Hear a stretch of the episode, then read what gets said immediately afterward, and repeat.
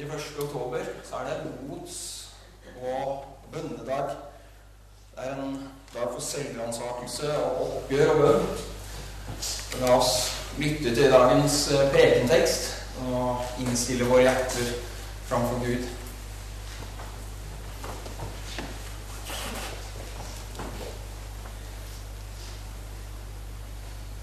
To menn gikk opp til tempelet for å be.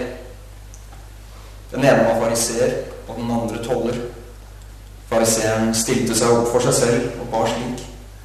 Gud, jeg takker deg for at jeg ikke er som andre mennesker, de som svindler, gjør urett og bryter ekteskapet, eller som den tolleren er. Jeg faster to ganger i uken og gir tiende av alt jeg tjener.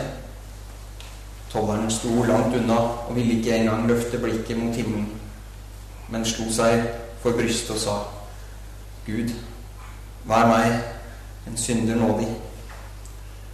Jeg sier dere, tolleren gikk hjem rettferdig for Gud, den andre ikke. For hver den som setter seg selv høyt, skal settes lavt, og den som setter seg selv lavt, skal settes høyt.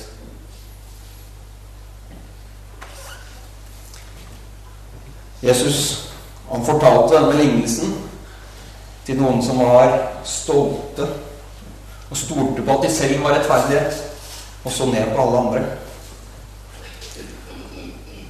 Jesus fortalte altså denne lignelsen til en gjeng, akkurat som oss i dag.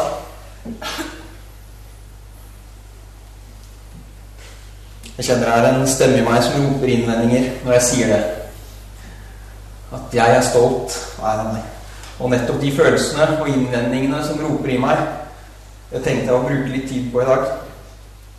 Vanligvis så ønsker jeg så langt det lar seg gjøre å ikke snakke om meg selv. Samtidig, hvis jeg kjenner et ubehag med denne teksten og denne anklagen jeg gir meg selv i dag, og kanskje det er flere som gjør det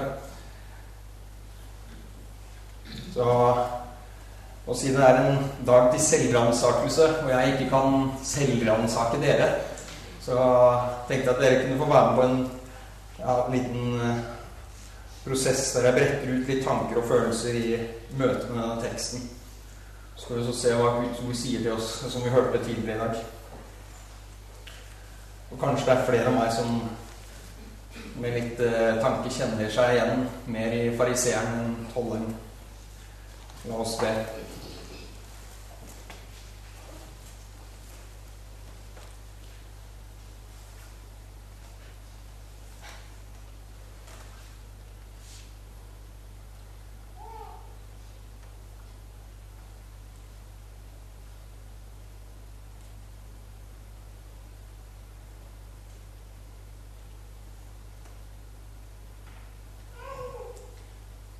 Når jeg anklager meg selv for å være den selvrettferdige som Jesus fortalte denne lignelsen til, hvorfor kjenner jeg at det kommer innvendinger? Og hva er innvendingene? Er innvendingene sanne? Innvendingene jeg hører meg selv si, det er Nei, dette gjelder ikke deg. Du er jo rettferdiggjort ved tro på Kristus. Som den ene innvendingen går, så er jo det sant. Vi er rettferdiggjort ved tro og har fred ved Gud. Fred med Gud ved vår Herre Jesus Kristus, som romerne fremme sier. Jeg er rettferdiggjort, men jeg er ikke fri fra gamle Adam. Jeg bor fortsatt i et skrøpelig legeme. Så hvem kommer med innvendingene jeg hører når jeg hører Eller når jeg stiller meg selv spørsmålet om jeg kanskje er publikummet, det stolte publikummet Jesus talte til? Er det den nye ånden Gud har gitt? Eller er det gamle Adam? Et spørsmål som er viktig å stille seg både i møte med denne teksten og mange ganger i livet, det er hvem er det som tjener på dette? Hvem er det som gagner av dette? Hvis det er den nye ånden Gud har gitt oss, så søker den Guds ære. Men hvis det er gamle Adam, så søker han sin egen ære.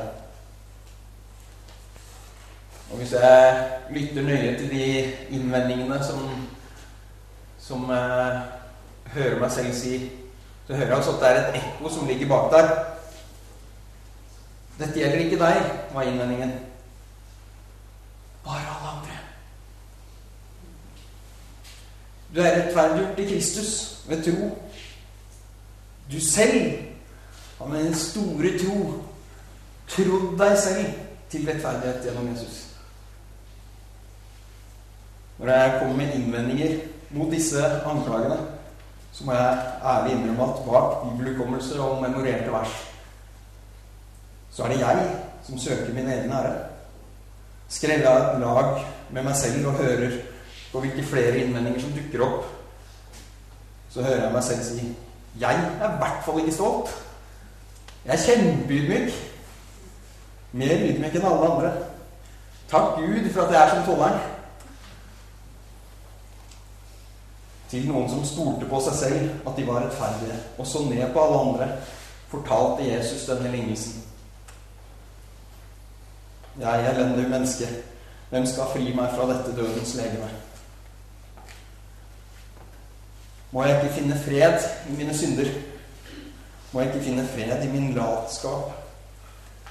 Må jeg ikke finne fred i mitt mål av tro?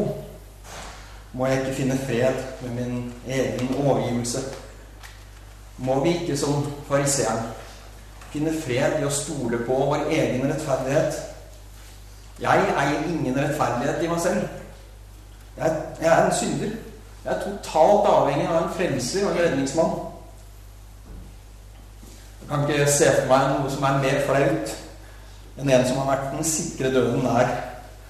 Blitt eh, dratt opp av vannet eller ut av brannen. Fått livreddende førstehjelp og livet tilbake. Og begynner å skryte hemningsløst av hvor viktig han var for at han selv ble redda. Hans egen styrke. Eller hans egen kunnskap. Og derfor han, derfor han ble redda. Likevel tar jeg meg selv altfor ofte i nettopp det, også nå. Og jeg er elendige menneske. Hvem skal fri meg fra dette dødens legeme? Her kommer en liten undring som jeg ofte lurer på. Hvorfor er det sånn at så mange som forlater tro og kirke og fellesskap, har dette inntrykket av kristne, og alle andre som ikke er kristne? Hvorfor er det så mange som har det inntrykket av at vi er æregriske og dobbeltmoralske fariseere? Jeg tror det dessverre er fordi at vi Eller at de altfor ofte har rett. Og at kirkebenker og kirkefellesskap over hele dette vakre landet okkuperes kanskje hovedsakelig av fariseeren. Jeg skal i hvert fall ærlig innrømme at det er altfor ofte, ja kanskje oftest, kjenner meg igjen i fariseerne i historien. Og jeg er elendig menneske. Hvem skal fri meg fra dette dødens legeme? Gud være takk ved vår Herre Jesus Kristus. Jeg som er tjener av Guds lov med mitt sinn, men syndens lov med mitt kjød, så er det da ingen fordømmelse for dem som er i Kristus. For Åndens lov, som gir liv, har i Kristus Jesus gjort deg fri fra syndens og dødens lov. Hva er disse to lover som Paulus snakker om i romerbrevet? Som, som, vi kan velge å tjene. Hvilken lov har vi blitt frigjort fra, og hvilken lov har vi blitt frigjort til? Som sagt tar jeg meg selv altfor ofte i å lytte til gamle Adam og kjøttets lov. Og da er overskriften over valgene tar lettvint og rask tilfredsstillelse. Enten ja, enten er å gjøre noe som er meg selv gagnlig altfor fort, eller ikke tenke på andre. Jeg tror det kanskje skjønner dere nå. Jeg vet ikke hva som virkelig er godt for meg og de rundt meg. Min manglende visdom og ufullkomne kunnskap av godt og vondt, og en god dose gamle Adams trang til umiddelbar, selvsentrert tilfredsstillelse, det er en livsfarlig cocktail. Det er det som er synd. Og synden fører meg sjanglende og beruset ut i grøfter og gjørmer jeg gjerne skulle vært foruten. Gamle Adam, han går faktisk berusa hele den bredveien med sin umiddelbare tilfredsstillelse. Han har alltid en trang, men blir aldri virkelig tilfredsstilt. Han har gleder, men aldri fullkommen glede. Han finner hvile, han finner hvile, men hans byrder blir aldri lettere. Han han finner masse rikdom, rikdom i svære hauger, men en dag vil det gå opp for ham at det er monopolpenger han har samla på. Og han eier ikke nåla i øyet. For gamle Adam er denne cocktailen dødelig. Og her her møter Jesus oss. I det mørkeste mørket. Ansikt til ansikt med døden. Her møter brudgommen oss med sin kjærlighet. Han gikk fra sin guddommelige herlighet og ble fornedret helt hit til det laveste lave. Akkurat der hvor vi er, i dødens mørke. Hit kommer han med sitt lys og sin varme. Selv om han led trolig verdenshistoriens mest grusomme og skamfulle form for henrettelse, en opprørers henrettelse på det korset her, som romerne brukte for å reise opp de som hadde prøvd å reise seg mot Romerriket. Et hånlig stikk mot det at Jesus, han som fornedra seg mer enn noen andre, han løfta dem opp. Mens i virkeligheten så fornedra han seg så langt ned det var mulig. Til og med på da verdenshistoriens kanskje verste mulige form for henrettelse. Det er Guds kjærlighet. Det er den trofaste brudgommen. Til tross for vår ubegrensede troløshet kommer han oss i møte. Det var det som skjedde på korset. Han var ren og steg ned i dåpsvannet og tok på seg verdens urenhet. Vi får stige ned i dåpsvannet for å skjule oss i hans sides åpne sår. Vaske oss rene i vannet og blodet. Det er han vi tror på. Redningsmannen. Det er han som skal ha all ære. Hans kjærlighet ledet han gjennom alle lidelser, helt til døden, helt til oss. Han har kommet, ikke bare for å møte oss i døden, men for å gi oss liv. Kjærligheten han viste oss på korset. Seieren ble vunnet, og vi kan stole på at løftene han ga i sitt ord, holder. For han elska oss gjennom alle lidelser, helt til døden. Vi trenger ikke frykte for lidelser inntil døden, fordi han seira over døden. Verdens lys ble lagt i den mørkeste grav. Men døden og dødens mørke var ikke sterk nok til å holde verdens lys og holde ham fast. Og Det er derfor vi synger 'Jesus lever, graven brast'. Han sto opp med Gudåndsvelde. Trøsten står som klippen fast. At hans død og blod skal gjelde. Jeg syns det er litt snodig at vi kaller det langfredag på norsk. På engelsk så heter det Good Friday. Og det er virkelig en Good Friday. For det var på fredagen seieren ble vunnet. Han ønsket å kle men hva fikk brudgommen til å gå den lange veien, helt ned i vårt mørke. Det var hans store, overbærende kjærlighet til sin brud. Han ønsket å kle henne med den vakreste drakt. Sin egen fullkomne trofasthet og kjærlighet. Han, vår elskede brudgom. Han elsket oss først, mens vi enda var syndere. Han ga oss sitt liv og fornedret seg selv. Og hva kan da vi, som hans trolovede brud, Gi ham til gjengjeld. Alt. Hele vårt liv. All vår synd. All vår urenhet. Alle løgner. Alle egoistiske og selvsentrerte valg. Alle våre selvrettferdigheter. Jesus skal ha, ha all ære for all godhet og for å ha seira over synden og døden. Har vi gitt ham all vår synd? har vi gitt ham hele vårt liv. Her ligger omvendelsen. Fortsetter vi å sjangle i syndens beruselse, selv når vi forstår at vi er i verdensmørket, i, i den mørkeste grav, når vi faller i grøften og forvitrer i vår egen utilstrekkelighet og ondskap? Eller vender vi oss om av hele vårt hjerte til Gud og bekjenner vårt behov for hjelp? Bekjenner våre synder, så Han kan vise oss sin trofasthet og kjærlighet og rettferdighet, og forlate oss syndene og rense oss fra all eh, urettferdighet. Gamle Adam, han har ikke lyst til å bekjenne syndene sine, for han vil ha æren selv. Så selvsentrert er han.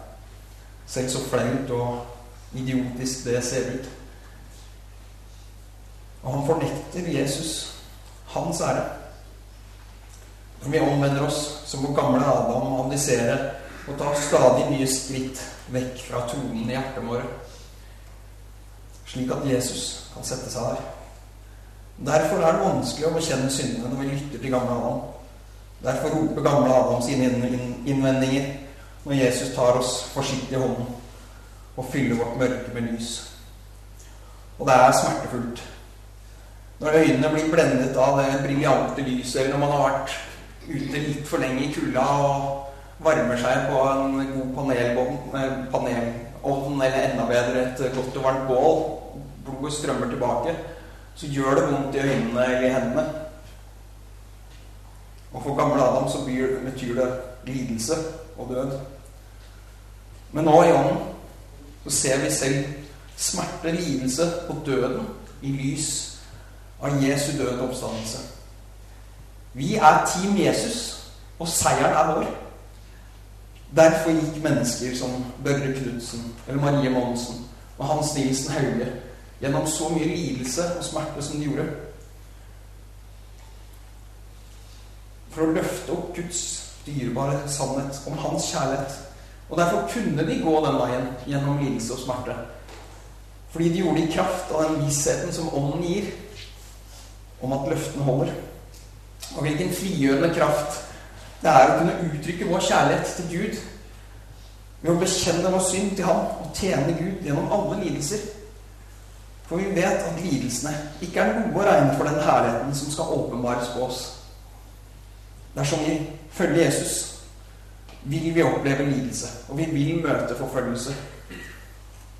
Å følge Jesus kan til og med bety den visse død slik som det ofte betyr for mange kristne i radikalt muslimske eller ateistiske land. Så om et par uker skal det være fakkeltog i Tønsberg også for forfulgte kristne. Og det anbefaler jeg å være med på. Vi lever i en verden full av ondskap. Og vi vil møte lidelse og urettferdighet. Gamle Adam han vil stritte mot hver lidelse og rope urett, eller verre, fornekte hans kjærlighet fullstendig og si at Gud er ond fordi han sender lidelse. Et menneske som har fått smake Guds nåde og kjærlighet ved Jesu kors, ser det bare som en glede når de møter alle slags prøvelser. For alt virker til de gode for dem som elsker Herren. Og jeg har visst godt lidelsene den nåværende tid ikke er noe å regne for den herligheten som en gang skal bli åpenbart for oss. Samtidig er Gud vår Far barmhjertig og han gir oss ikke mer enn vi kan bære. Og som vi synger for barn noen ganger, eller kanskje ikke femte vers, men vi synger i hvert fall den sangen Hva han tager eller giver, samme Fader han forbliver. Og hans mål er dette ene, barnets sanne vel alene. Hva han tager.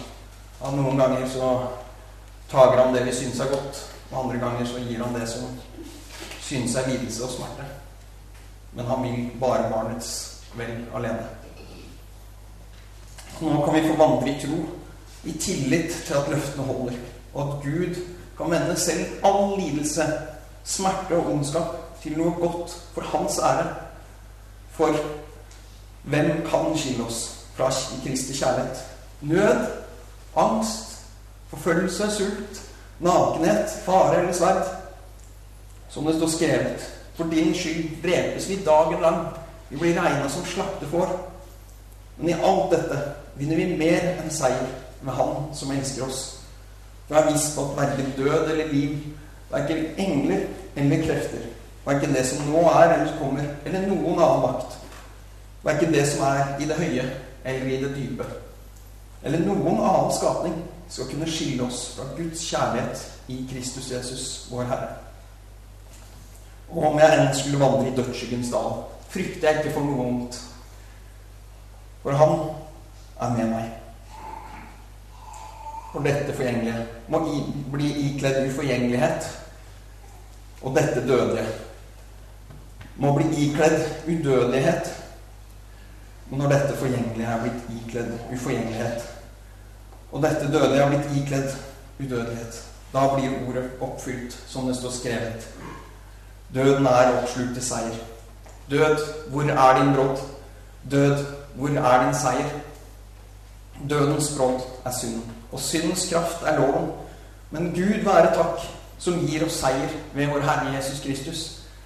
Derfor, mine elskede brødre, vær faste og urokkelige, alltid rike Herrens gjerning, da dere vet at deres arbeid ikke er forgjeves i Herren.